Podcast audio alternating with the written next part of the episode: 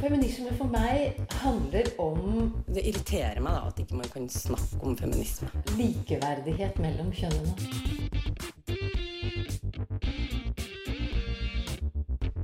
Det blikket på kvinnen på film. Det handlet om å bli tatt på alvor som jente. Du hører på Et eget rom på Radio Nova. Like rettigheter for kvinner og menn har vært en målsetting for FN siden opprettelsen i 1945. Og i 1975 så ble kvinnene feiret et helt år i strekk. Og ringvirkningene dette året de er fortsatt synlige i kulturlivet og i arbeidslivet.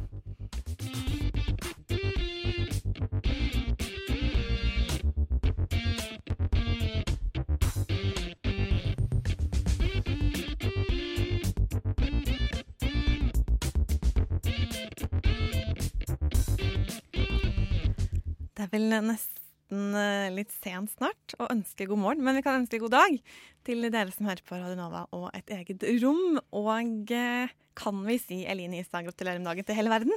Ja, jeg Ja. synes det. Ja, det, er, fint å si på en måte, eller gratulerer med FN-dagen kanskje, eller et eller annet sånt. Fordi det er så fint med alle dager som man kan markere, tenker jeg. Ja, og jeg syns at FN sin bursdag, altså FN-dagen, det er jo litt sånn hele verdens sin bursdag. Man blir litt stolt, får litt klump i halsen. Fordi det er så fint, liksom. Sammen med Eline så er det meg, Lina Therese Rosenberg. eh, Og vi, Eline og jeg, vi skal eh, snakke for dere eh, den neste timen frem til klokken blir 11. Og det er altså likestillingsarbeidet og FN eh, spesielt, men også FN-arbeid og litt sånn kritikk eh, mot Norge. Mer generelt Nei, ja. Vi tar begge deler.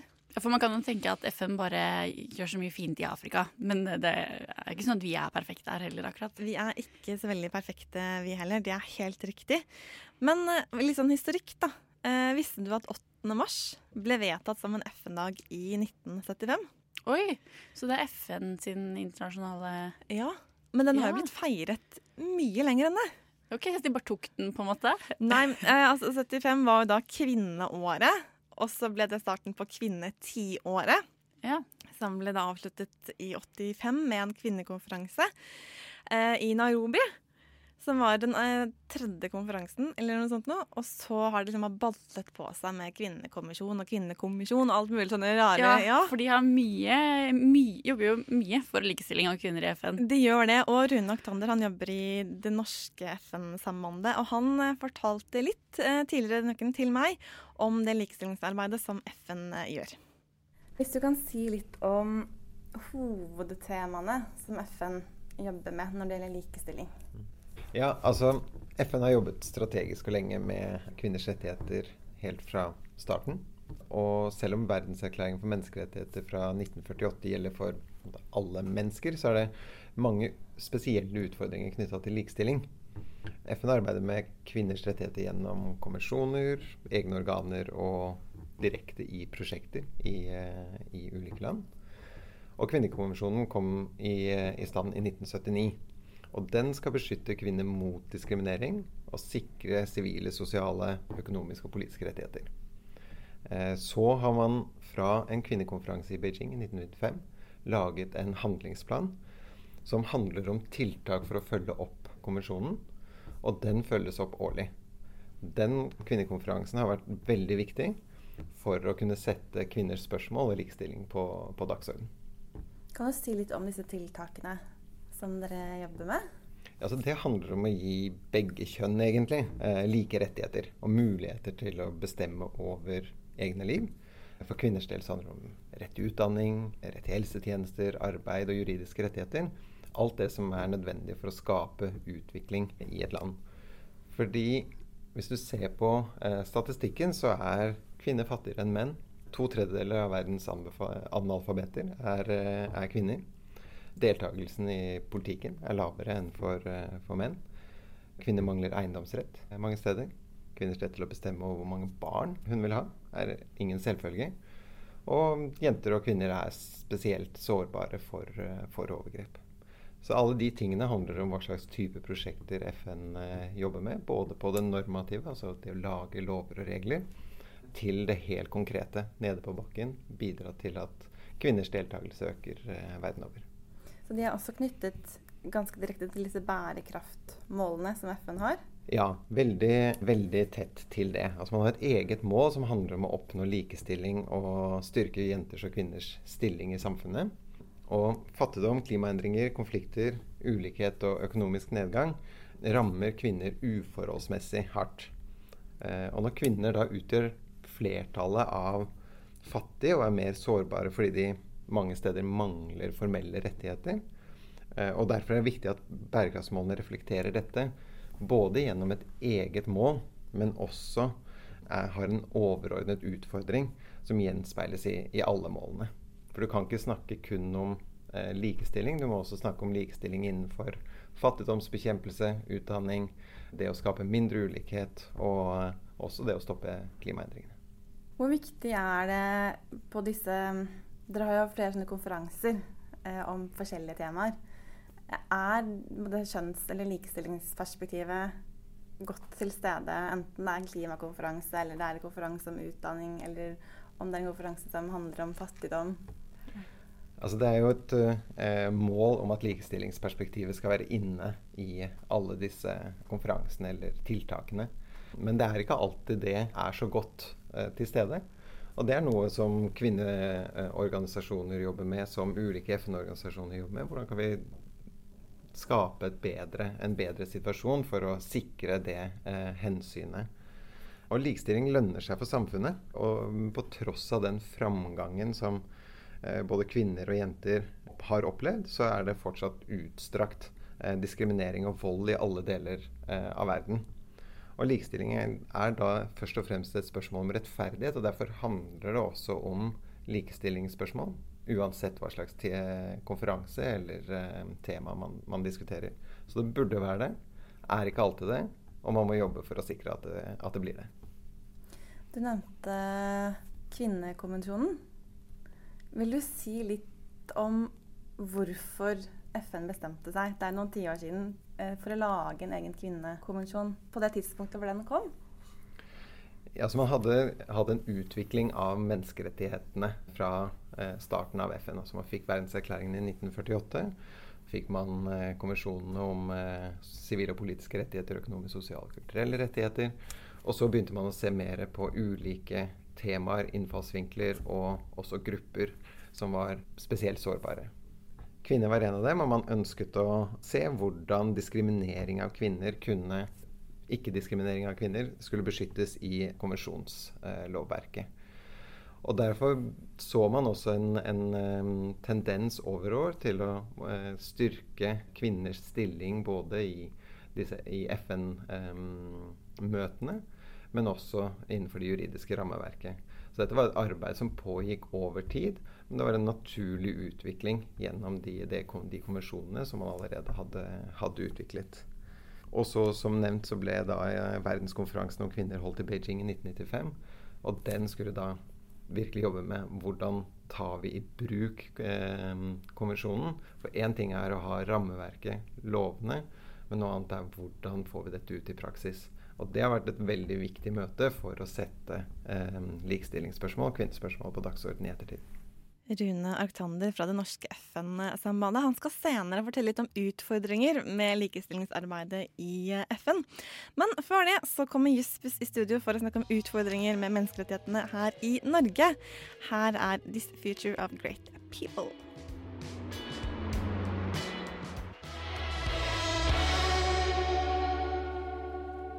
Great People og This Future hørte du der. Eh, de forente nasjoner de har siden de startet opp utvikla en rekke ulike kommisjoner for å sikre lands innbyggere rettigheter. F.eks. så har vi Kvinnekonvensjonen og mot rasediskrimineringskonvensjonen og Menneskerettighetskommisjonen blant andre. Det er vanskelig å si de kommisjonsordene. Men vi tenker jo gjerne her i Norge, tror jeg, at vi er et uh, veldig godt land å bo i som gjør allting riktig. Men det er jo ikke nødvendigvis sånn, for vi også har fått en god del kritikk av FN. Og med oss i studio nå så har vi deg, Karen Hjelmelvik Nærbø fra Jussbuss. Ja, hei. Hei. Dere er et hjelpetiltak som drives av jusstudenter her ved Juridisk fakultet på UiO. Og Norge kritiseres bl.a. for barnas situasjon. Det gjelder både asylbarn og behandling av romfolket. Og en annen sak som FN har vært kritiske til, og som dere i Jussbuss også har eh, engasjert dere i, er FN sin kritikk mot Norge i varetekt og fengslingssaker. Ja, det stemmer.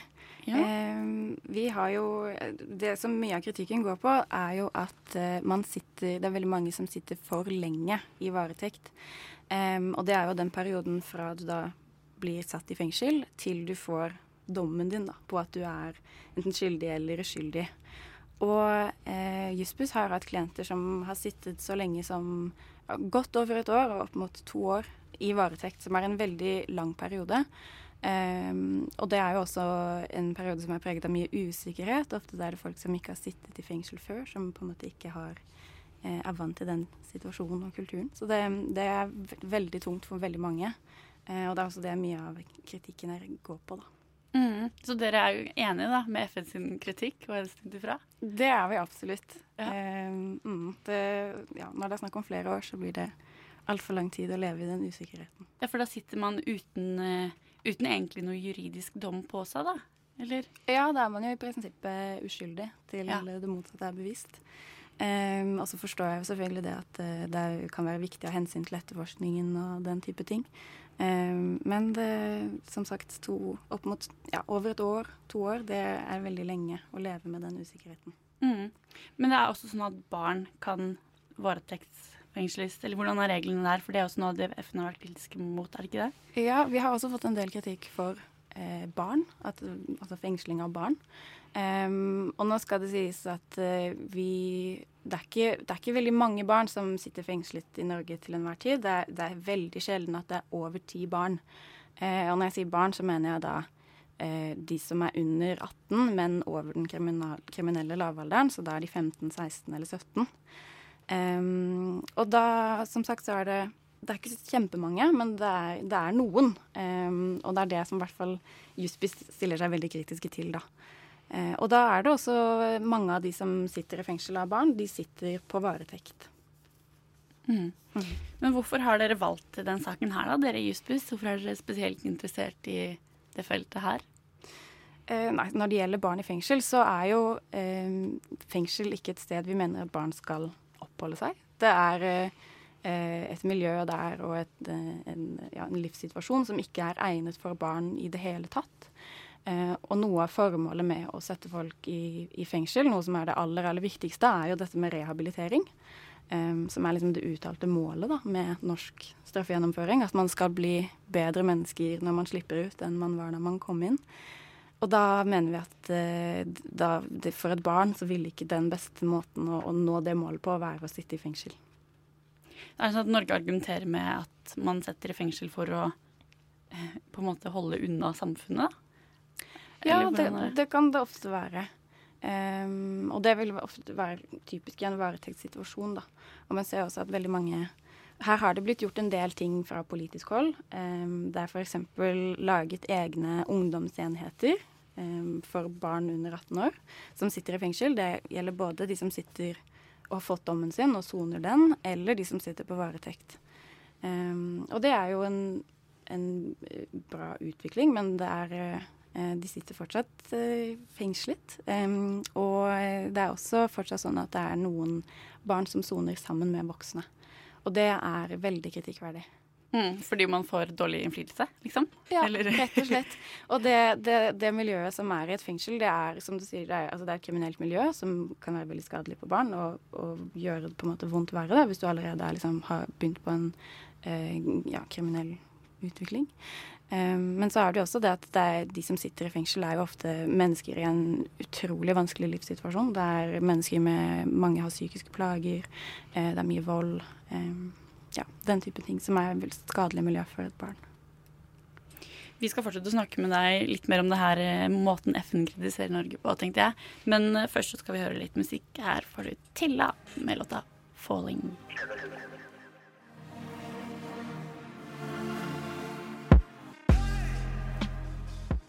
Tilla og 'Falling' hører du her. Vi snakker om FN og feirer FN-dagen her i Et eget rom i dag. Og det er jo ikke bare sånn at eh, FN er kritiske til alle andre enn Norge, for FN er kritiske til Norge også. Og en av de tingene som eh, FN har kritisert Norge for, er disse måtene vi varetektsfengsler og også holder barn i fengsel. Karen Helmervik Nerbø fra Jussbuss, du snakket litt i stad om forholdene og kritikken fra FN. Men jeg lurer litt på sånn Hvordan mottas egentlig en kritikk fra FN? Vet du noe om eh, hva det innebærer da, at Norge får kritikk? Eh, altså Den kritikken man får fra FN, vil jo stort sett ikke være juridisk bindende da, for Norge. I motsetning til hva f.eks. en dom fra menneskerettighetsdomstolen, europeiske menneskerettighetsdomstolen, det ville vært bindende for Norge. Men så er det jo utrolig pinlig da, for Norges del eh, å få den kritikken. Og det gjelder jo særlig f.eks. på eh, Vi har fått mye kritikk for isolasjonsbruk i fengsel. Eh, og da er det jo veldig flaut når FNs torturkomité kommer og sier at nå, nå må dere roe dere. Da, da, burde man ta det alvorlig.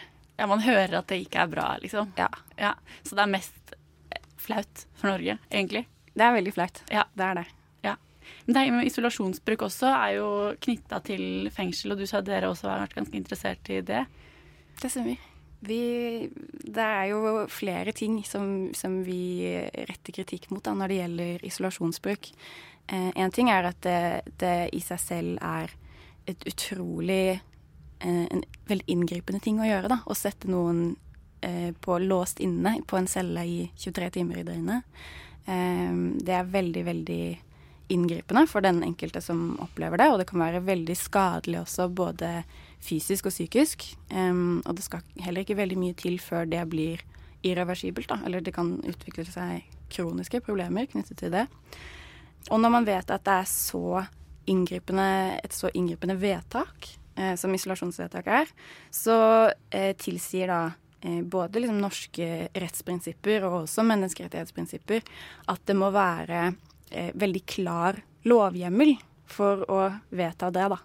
Eh, men i Norge så er det egentlig en ganske vid hjemmel. Altså paragrafen hvor man eh, bestemmer at noen skal sitte isolert, den er veldig sånn skjønnspreget. Um, og ordlyden er vel det at det må være nødvendig for å opprettholde ro, orden og sikkerhet i fengselet. Og det kan jo være veldig mye, da, som man hører litt. Um, og det har vi fått mye kritikk for. Og det fører også til at mange som Jussbuss har snakket med, som har sittet isolert eh, til tider ganske lenge, de skjønner ikke hvorfor de sitter på isolasjon. De skjønner ikke hvorfor de er tatt ut av fellesskapet. Eh, og det gjør det ekstra vanskelig for dem både å, å takle den situasjonen um, for seg selv, men også å, å klage på den, f.eks. Um, og på en måte få de, gir en dårligere rettssikkerhet, rett og mm. slett. Men da har man jo både det med isolasjon i fengsel og barn, eller fengsling av barn, og eh, lang varetektsfengsling, mm. som FN har vært kritisk imot. Eh, en, altså en, ting er jo at FN kritiserer da, i en sånn kommisjon, men hvordan, eh, hvordan går Norge fram med det videre? Hva, Vet du noe om hvordan det står til med kritikken, eller? Eh, ja, det, det, er litt forskjellig. På, som sagt, med barn i fengsel så gjøres det en del ting, bl.a. med å opprette sånne egne ungdomsavdelinger. Men når det gjelder isolasjon, f.eks., så har det ikke, virker det på meg som det ikke er blitt gjort så veldig mye. Um, og det er jo da en kultur som blir skapt i, i kriminalomsorgen, i fengslene, eh, som det kan være vanskelig å ta et oppgjør med, da. Og da kan man Det mest effektive ville kanskje være å med lovendring, rett og slett, og gjøre det vanskeligere, da, eller eh, tydeligere når man kan bruke isolasjon, i hvilke situasjoner man kan gjøre det. Mm. Er det noe som Ser du noen tegn til endring der, eller? Um, lite. Eh, Kriminalomsorgsdirektoratet har Eh, bestemt seg for å lage nye retningslinjer til den paragrafen som gjelder fengselsbestemt isolasjon. Men retningslinjer eh, det vil være på en måte noe fengselet ser på når de tar avgjørelser, men det er ikke en rett til det i seg selv. Så her er det rett og slett politikerne som må ta ansvar hvis man skal få en eh, endring som i hvert fall vil tilfredsstille den kritikken som Så politikerne er litt for dårlige til å høre på FN, egentlig? ja, det kan man si. Ja, men du, helt til slutt. Det er jo um, i jeg, likestillingsprogrammet Et eget rom sitt navn det her med kvinner i fengsel. Det er vel så mye som 95% innsatte i fengsel som er menn. Mm. Vet du noe om hvordan det påvirker situasjonen for kvinner i fengsel? Eh, når kvinner er en så utrolig liten minoritet i fangebefolkningen som de er, så påvirker jo det deres muligheter til å gjennomføre soningen. Da. Og det, det kan være f.eks. at det er, det er mye færre fengsler for kvinner eh, enn det er for menn. Det er fire rene kvinnefengsler i Norge, og alle de ligger på østlandsområdet. Eh, og så er det en del blanda fengsler. Um, og det for, for, kvinner å sitte og sone sammen med menn kan være veldig problematisk. Eh, F.eks. er det mange som, av de kvinnene som soner i fengsel, som har opplevd vold og overgrep. Som gjør det vanskelig for dem å sone med menn. Og så er det også sånn at Når man sitter i fengsel og soner en dom, så har man en aktivitetsplikt, så man må jobbe, rett og slett. Og mye av de tilbudene som da gis til kvinner, er veldig kjønnsstereotype. Det kan være f.eks. at de egentlig er eh, designa for menn. Da. Det kan f.eks. være tømring eller mekanikk eller sånne ting. Eller så kan det være at de skal ja, sitte og strikke grytelapper. som blir veldig sånn på den motsatte siden igjen, da. Um, og det er jo også noe som ikke er veldig det er veldig få i dag som kan på en måte livnære seg på å strikke grytelapper når de kommer ut av fengsel, da. Så det, ja. det er noen av måtene som eh, det blir vanskeligere for kvinner enn menn å sone i fengsel. Ja, Det høres ut som vi har en ganske stor jobb foran oss når det gjelder eh, fengsel i Norge, syns jeg. Ja. Tusen takk for at du kom, Karen Nilomvik Nerebø, for å feire litt FN-dag med oss, og kanskje kaste et litt kritisk blikk på Norge også. Takk for at jeg fikk komme. I think uh, anyone who's not a feminist is is an insane person. Is an insane person. Is an insane person. Is an insane person. Du hører på Et eget rom. Vi skal hoppe litt sånn tilbake igjen til eh, kvinne- og likestillingsperspektivet når det gjelder FN. Eh, mens vi sender vår fantastiske gjest ut, så skal du få litt eh, London-basert syntmusikk. Her er Bonsai.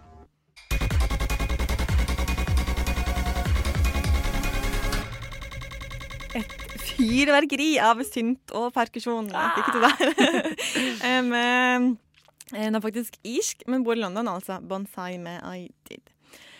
Vi snakker om FN og likestilling og likestillingstiltak og sånn. Og eh, det heter også noe fint. Eh, Kvinnekommisjonen. Ja, Her må vi ikke blande konvensjonen og kommisjonen, for det er to forskjellige ting. Ja. ja. De møtes hvert år i mars. Og da samles politikere, byråkrater, organisasjoner, aktivister og flere for å gjennomgå status for kvinners likestilling og diskuterer hvordan kan man bedre disse. Så det er mer sånn hva er status, hvor vil vi, hvordan skal vi nå de målene. Og eh, de som jobber med gjennomføringen, det er eh, UN Women, som ble opprettet i 2010. Og nå har vi snakket litt om dette med kritikk av Norge. Og vi har også fått kritikk på likestillingsfronten. Ok. Det, er ganske, det er en ganske lang liste med det her må Norge bli bedre på. Ja. Det her foreslår vi at Norge bør gjøre. Og som annen kritikk som Norge får, så er jo ikke det her juridisk bindende. Mm. Men det er en mer sånn Ja, det er den litt flausen. Men det er flaut. Ja, ja. Sånn som Karen sa. Eh, det blant annet vi har fått kritikk på, det er at likestillingen ikke er godt nok definert i Grunnloven. Ja, for vi har vel noe med diskriminering i Grunnloven, har vi ikke det? Ja. Ja. ja, ja. Men de mener at kvinner er ikke godt nok definert. Og særlig så er det minoritetskvinner som er sårbare. Fordi den er, litt sånn, den er så skjønnsnøytral, Grunnloven, da. For den skal gjelde alle. Men så vet man at når det gjelder alle, så er det mange situasjoner hvor det, det er menn det gjelder mest. Mm. Og så er det dette med hvordan man skal styrke kvinners likestilling. Eh, og Norge har fått skryt for at man har et likestillings- og diskrimineringsombud. Men de mener at eh, de har ikke godt nok autoritet eller makt når det gjelder seksuell trakassering. Ja, det har vi jo på en måte nesten en kilde på etter ja, i forrige ukes besøk her også, fra Likestillingsgrunneringsombudet. For det er ikke noe, det er ikke noe paragraf om Nei, den faller utenfor alle lovverk. Ja. Altså, det har vært en kritikk mot Norge. Og dette med seksualisert reklame, som er en stor debatt i Norge og har vært det ganske lenge, det har faktisk også FN kritisert oss for. Eh, måter kvinner og jenter fremstilles på i, i, reklame og i media mer generelt. faktisk. Det her er liksom verdens mest likestilte land, er det ikke det vi liker å tro? at det jo, er? Jo, vi liker å tro det, men vi er søren oss ikke Ja, vi har våre feil og mangler, vi også. Ja. Det er i hvert fall noen av de kritikkene vi har fått når det gjelder likestilling. Eh, heldigvis da, så kan vi si at vi jobber allerede med noen av de punktene. Ja. ja. Men likestilling er ikke så enkelt for FN heller, nemlig. Eh, vi har tidligere hørt fra Rune Arctander, og han eh, skal nå fortelle litt om utfordringene som FN har når det gjelder likestillingsarbeidet. Men det å sette likestilling på dagsorden, er det like enkelt alltid eller alle steder? Eller er det noen ganger hvor det er vanskeligere? Det, definitivt noen ganger det er vanskeligere. Og eh, dette gjelder ikke kun for kvinn, eh, altså kvinnespørsmål, men det er en del eh, rettigheter som vi nå ser at begynner å eh, få motstand. Og det er jo uvant for oss som har jobbet innenfor feltet eh, i en lengre periode, at vi, vi kun har opplevd en eh, positiv retning innenfor menneskerettighetsfeltet. Plutselig så har man begynt å møte motbør, og kanskje særlig innenfor kvinners rettigheter. Eh, og det er eh, spesielle nasjoner og eh, grupperinger som har gått sammen i noen ganger litt merkelige konstellasjoner. Altså du har Vatikanstaten som samarbeider med Iran på, på, kvinnespørsmål. Noe som man i utgangspunktet skulle tro at ikke var de mest naturlige samarbeidspartnerne. Og de har begynt å utfordre en del av rettighetsutviklingen og beskytter på en måte sine synspunkter med tradisjonelle familieverdier. Eh, vi ser det i Polen nå, hvor man snakker om eh, mindre tilgang til eh, frie aborter. Så dette her er en trend, og det er en bekymringsverdig trend. Nå har vi gått fra å utvikle menneskerettigheter og kvinners rettigheter til å beskytte det vi har. Og det var ikke der vi hadde trodd at vi skulle komme nå. Men når dere da får, eller FN møter motstand og ting blir litt tyngre, hva kan FN gjøre for å eh, jobbe med den motstanden? da? Altså, FN er jo ikke noe mer enn det statene selv vil at det skal være. Men man kan jo ikke skyve disse tingene under teppet. Så man må skape en arena hvor det er mulig å diskutere dette. Og sikre at uh, de progressive statene, de som ønsker å sikre kvinners stilling, kvinners rettigheter, får muligheten til å utvikle dette videre. Utfordringen er selvfølgelig at hvis det er et flertall som vil gå den motsatte veien, så, er, så åpner man en arena for det. Så FN har sine, eh, har sine eh, begrensninger, også når det kommer til å utvikle eh, rettighetene videre. Men det er dette vi må klare å jobbe sammen om, og det er det bærekraftsmålene også handler om. At uh, nå er det ikke lenger bare nasjonalstatene som, uh, som, har ansvaret. Vi må klare å få inn sivilsamfunn, vi må klare å få inn næringslivet. For da får vi også inn uh, den gode utviklingen. Og når vi ser på Norge f.eks., så er jo kvinners inntog i arbeidslivet en av de viktigste årsakene til den velferdsøkningen vi har hatt. Og den typen historier som kan komme fra næringslivet, sivilsamfunn som kan støtte opp om rettigheter, gode tiltak for inkludering og eh, politisk eh, påvirkning, tror jeg kan sammen gjøre en, en, god nytte og støtte opp om det arbeidet som FN gjør.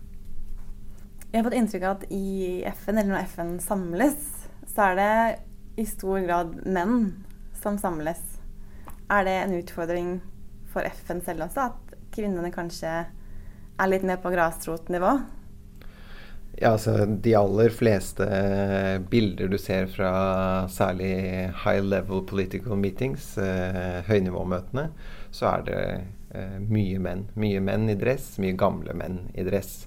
Det er en utfordring for å få kvinnespørsmålene på dagsorden. Det er en utfordring for å få ungdomsspørsmålene på dagsorden.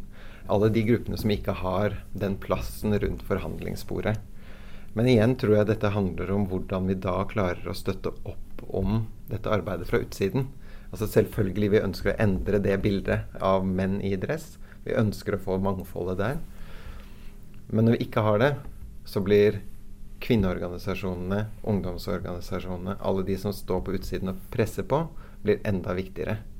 Og der er det en ny utfordring som man får i FN, fordi færre og færre organisasjoner får tilgang til multilaterale, den multilaterale møteplassen. Så da blir det disse konstellasjonene av menn i dress som diskuterer, mens organisasjonene står på utsiden og ikke får den tilgangen som man burde ha. Men hvorfor får de ikke den tilgangen? Fordi man må ha en type akkreditering for å kunne være med på FN-møter. Og uh, igjen så ser man en konstellasjon av land som ikke ønsker den påvirkningsmuligheten for sivilsamfunn. Eh, og igjen så handler det om at vi må stå sammen med gode krefter og sikre eh, den tilgangen. Og at disse kreftene som ønsker å trekke utviklingen i motsatt retning, eh, stoppes. Og at eh, både kvinneorganisasjonene og ungdomsorganisasjonene er en naturlig del sammen med dette multilaterale forhandlingsrommet. For meg som står utenfor og mest får slik informasjon gjennom nyhetene, får inntrykk av at det er særlig seksuelle rettigheter hvor det kanskje er mest motstand for når det gjelder eh, i hvert fall kvinners rettigheter. Mm -hmm. Har det litt sånn ringeffekter? Ja, til en viss grad så har det jo det. De som jobber kun med utdanning eller uh, ut, altså rene utviklingsspørsmål, har ikke den samme utfordringen til å komme inn. Det er så fort du begynner å jobbe på rettighetssiden, og når vi ser kvinners rettigheter som er under stadig press, så jobber jo naturligvis også kvinneorganisasjonene med rettighetsspørsmål. Og når det er da de som også ikke får den tilgangen, så blir det en dobbel effekt. En dobbel utestengelse. Rune Arctander fra det norske FN-sambandet hørte du fortelle der om utfordringer med likestillingsarbeid i FN. Og det er kanskje ikke så rart at uh, det er utfordrende å jobbe med likestilling når man skal jobbe med land fra hele verden med veldig forskjellig kultur i hvert land. Man kan ikke bare sette opp et felles generelt det, Ja, man har så mange utgangspunkt å ta utgangspunkt i. Ja, det er jo veldig mange land som har ratifisert Ja, det blir riktig. Kvinnekonvensjonen. Ja. Som eh, fra 1979. Den ble gjeldende fra 1981. De nordiske landene, ikke overraskende nok, var blant de første til å ratifisere avtalen. Men USA har ikke gjort det, hvis jeg husker riktig? Men de har ikke ratifisert noen avtaler, tror jeg. Kanskje ja, menneskerettighetene, men, ja. men, de vil ja, ikke. De har ikke barnekonvensjonen heller, f.eks. Nei. De gjør ikke sånne ting. Men eh, den er jo ikke juridisk bindende, heller ikke den konvensjonen. Men den skal ha en politisk funksjon. sånn at hvis du har skrevet under på den, så skal den gjelde i den politikken som landet ditt og din regjering jobber med. Mm. Men det gjør den jo ikke. I hvert fall ikke alle punktene. Kanskje noen.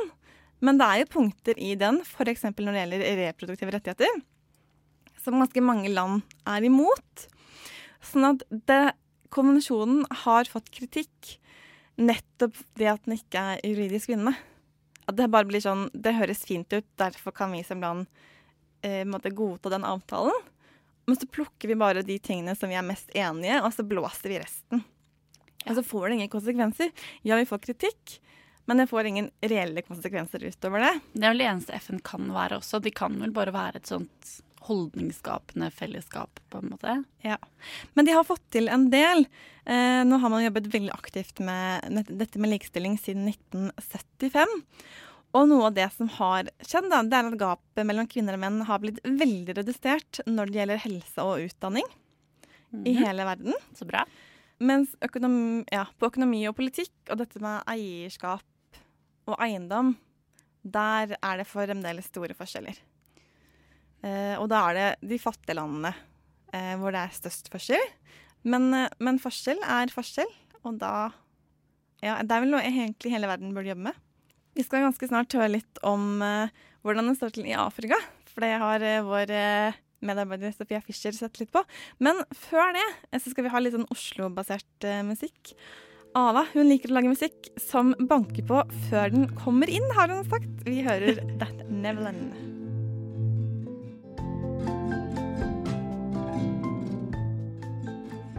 Ava hører vi der, med litt sånn gitar, pop, rolig høstmusikk. Ja, det var skikkelig fint. Ja, jeg liker dette, den tanken om at den banker på døra. Mm.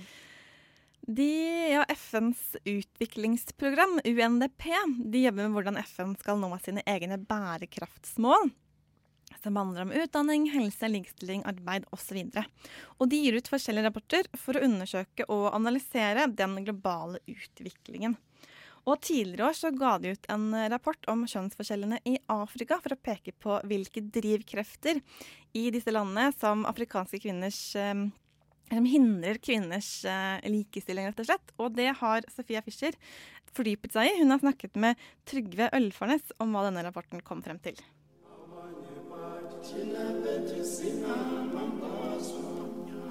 Abanye assunto ao que mais ter cozinha. Ficamos passar. Ficamos passar. I en rapport som UNDP lanserade i 2016 som heter Africa Human Development sa UNDP-ledaren Helen Clark sånn her. Om könsförsäljningen utjämnas på arbetsmarknader, i utdannelse, hälsa och andra områden kan utryddelsen av fattigdom og sult oppnås. For å få vite mer om dette ringte jeg Trygve Olfarensen, som arbeider for UNDP, og han sa så her.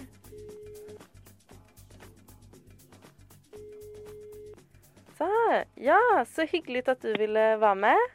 Jo, Så bra. bare hyggelig. Det, det er jo hyggelig for oss òg, det. Jeg jobber for UNDP sitt nordiske kontor, som dekker Danmark, Norge, og Sverige og Finland. Eh, och sen så var det då den här, eh, den här rapporten, eh, Africa Human Development, som kom ut i 2016.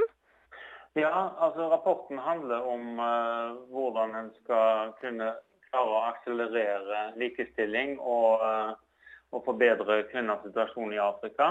Og Den gir jo da en del råd om hva som må til for å, for å oppnå dette.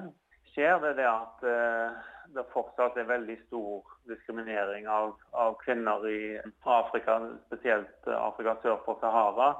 Eh, Men selvsagt er jo Afrika et stort kontinent, så det er ofte det er litt vanskelig å se på kontinentet som en sånn enhet. og Det er jo ganske stor variasjon mellom de forskjellige landene. Men hvis du ser på gjennomsnittet, så oppnår afrikanske kvinner bare 87% av den utviklingen som, som har foregått da, i forhold til menn. Sånn at de ligger faktisk ganske betydelig etter menn i utvikling på alle nivå. Og da snakker vi om såkalt menneskelig utvikling, som går på inntekt og utdanning, helse, som, som da selvsagt har innvirkning på forventa levealder osv.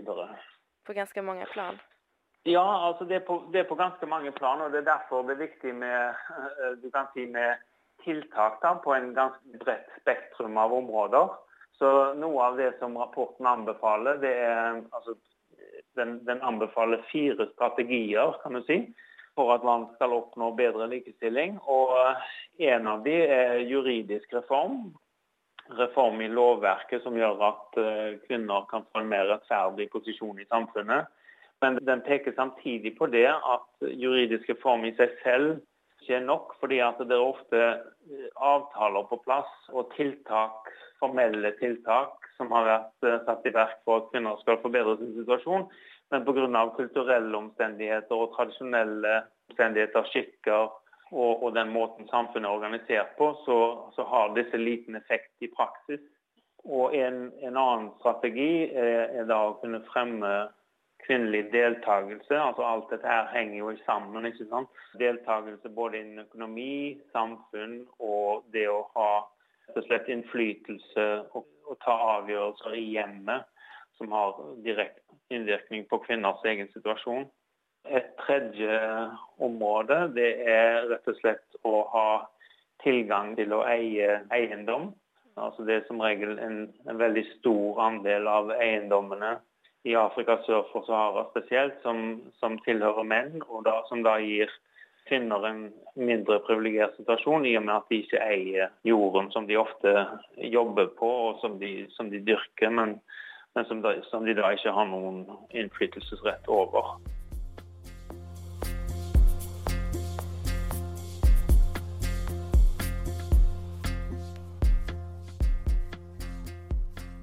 Sosiale nummer har veldig mye å si. Altså det er en av de måtene en anbefaler å akselerere framgangen på. Det er å takle direkte sånne skadelige sosiale normer, som f.eks. toleranse av vold mot kvinner, som er ganske utspredt. Altså det, det er jo, og Der er lovverk de fleste tilfeller allerede på plass, men, men altså samfunnet i seg selv godtar et nivå av, av vold mot kvinner. Og Dermed så blir ikke problemet løst, på tross av at det finnes lover og regler mot dette. Det samme gjelder f.eks. òg tvunget ekteskap for, for, unge jenter, og omskjæring av kvinner. Men hvordan skal man forandre normer? Hvordan skal man gå til veie for å få en forandring der? Nei, altså det, det er jo et, eh, et veldig viktig spørsmål. Styrke institusjoner, eh, legge til rette for eh, politisk medbestemmelse og deltakelse for kvinner. Og ha tilgang til data for, for, for å ta de riktige politiske avgjørelsene. Det er noen av de tingene som en kan gjøre. Men altså, hovedpoenget her er at likestilling må inn på alle nivåer i samfunnet. Altså, vil si, en må da fremme kvinners deltakelse, både økonomisk, politisk, samfunnsmessig, sivilsamfunn, og, og da på den måten endre kvinners status i samfunnet. Jeg leste i rapporten her at det stod sånn at mange afrikanske regjeringer har ganske stor kunnskap kring det her, men at det saknes penger pengar å drive det her videre. Men er det litt sånn også kanskje at man kanskje ikke har lyst til det Å satsa pengar på sånne her ting? De fleste endringer i verden kan oppnås gjennom politisk vilje og politisk makt. Og, og dersom kvinner har en større andel av, av deltakelse på det politiske nivå, så er det òg større sjanse for at politiske avgjørelser blir tatt som er kvinner til fordel. Og Da har du jo f.eks. et land som Rwanda, som, som, jo faktisk har den høyeste andelen av, av parlamentsmedlemmer, som er et, et, eksempel på et land i Afrika der likestilling har kommet lenger enn de fleste andre, eller mange andre.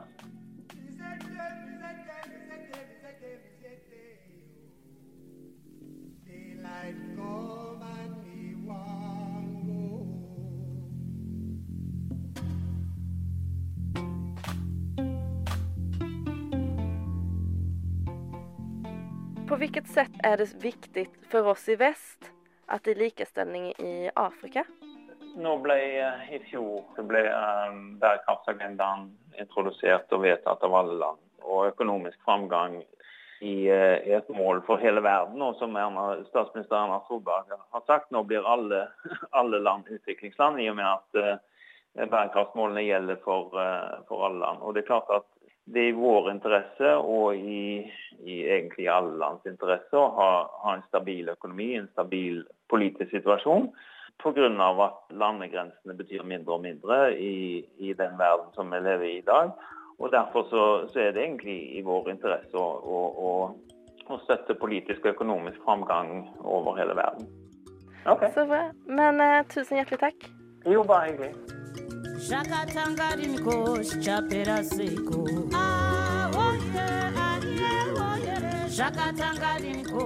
chapera seiko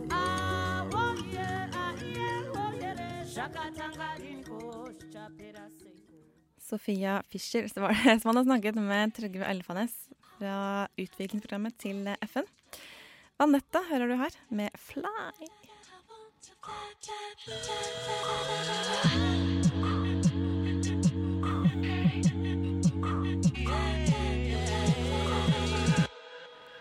Vandetta, eller Vanessa Fernandes, som han egentlig heter, med 'Fly'.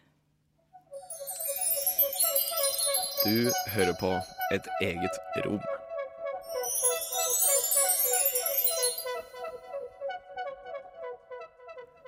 Det gjør du, men vi er egentlig straks ferdig, for klokken det nærmer seg 11. Av denne timen har du hørt Linda Therese Rosenberg og Eline Hystad med litt bidrag fra Sofia Fischer. Tekniker det har vært Henrik Sloen. Og uh, selv om vi er ferdig, så er det en uke neste gang bare. Og da skal vi snakke om hekser. Ja. Det blir kjempespennende. Fordi det er på en måte allhelgensdagen neste uke. Vi, nå har vi gått for en strategi der vi følger merkedagene. veldig. FN-dag i dag, halloween neste uke. Men det er veldig spennende. Jeg kan veldig lite om hekser. Gleder meg masse. Ja. Eh, kanskje heksprat i litt sånn utenfor boksen. Ja, Hva skal du kle deg ut som? Skal jeg kle meg som en heks? Nei, kanskje. kanskje ikke. Vet ikke. Vi høres om en uke. Her er We Got Game. Radio Nova.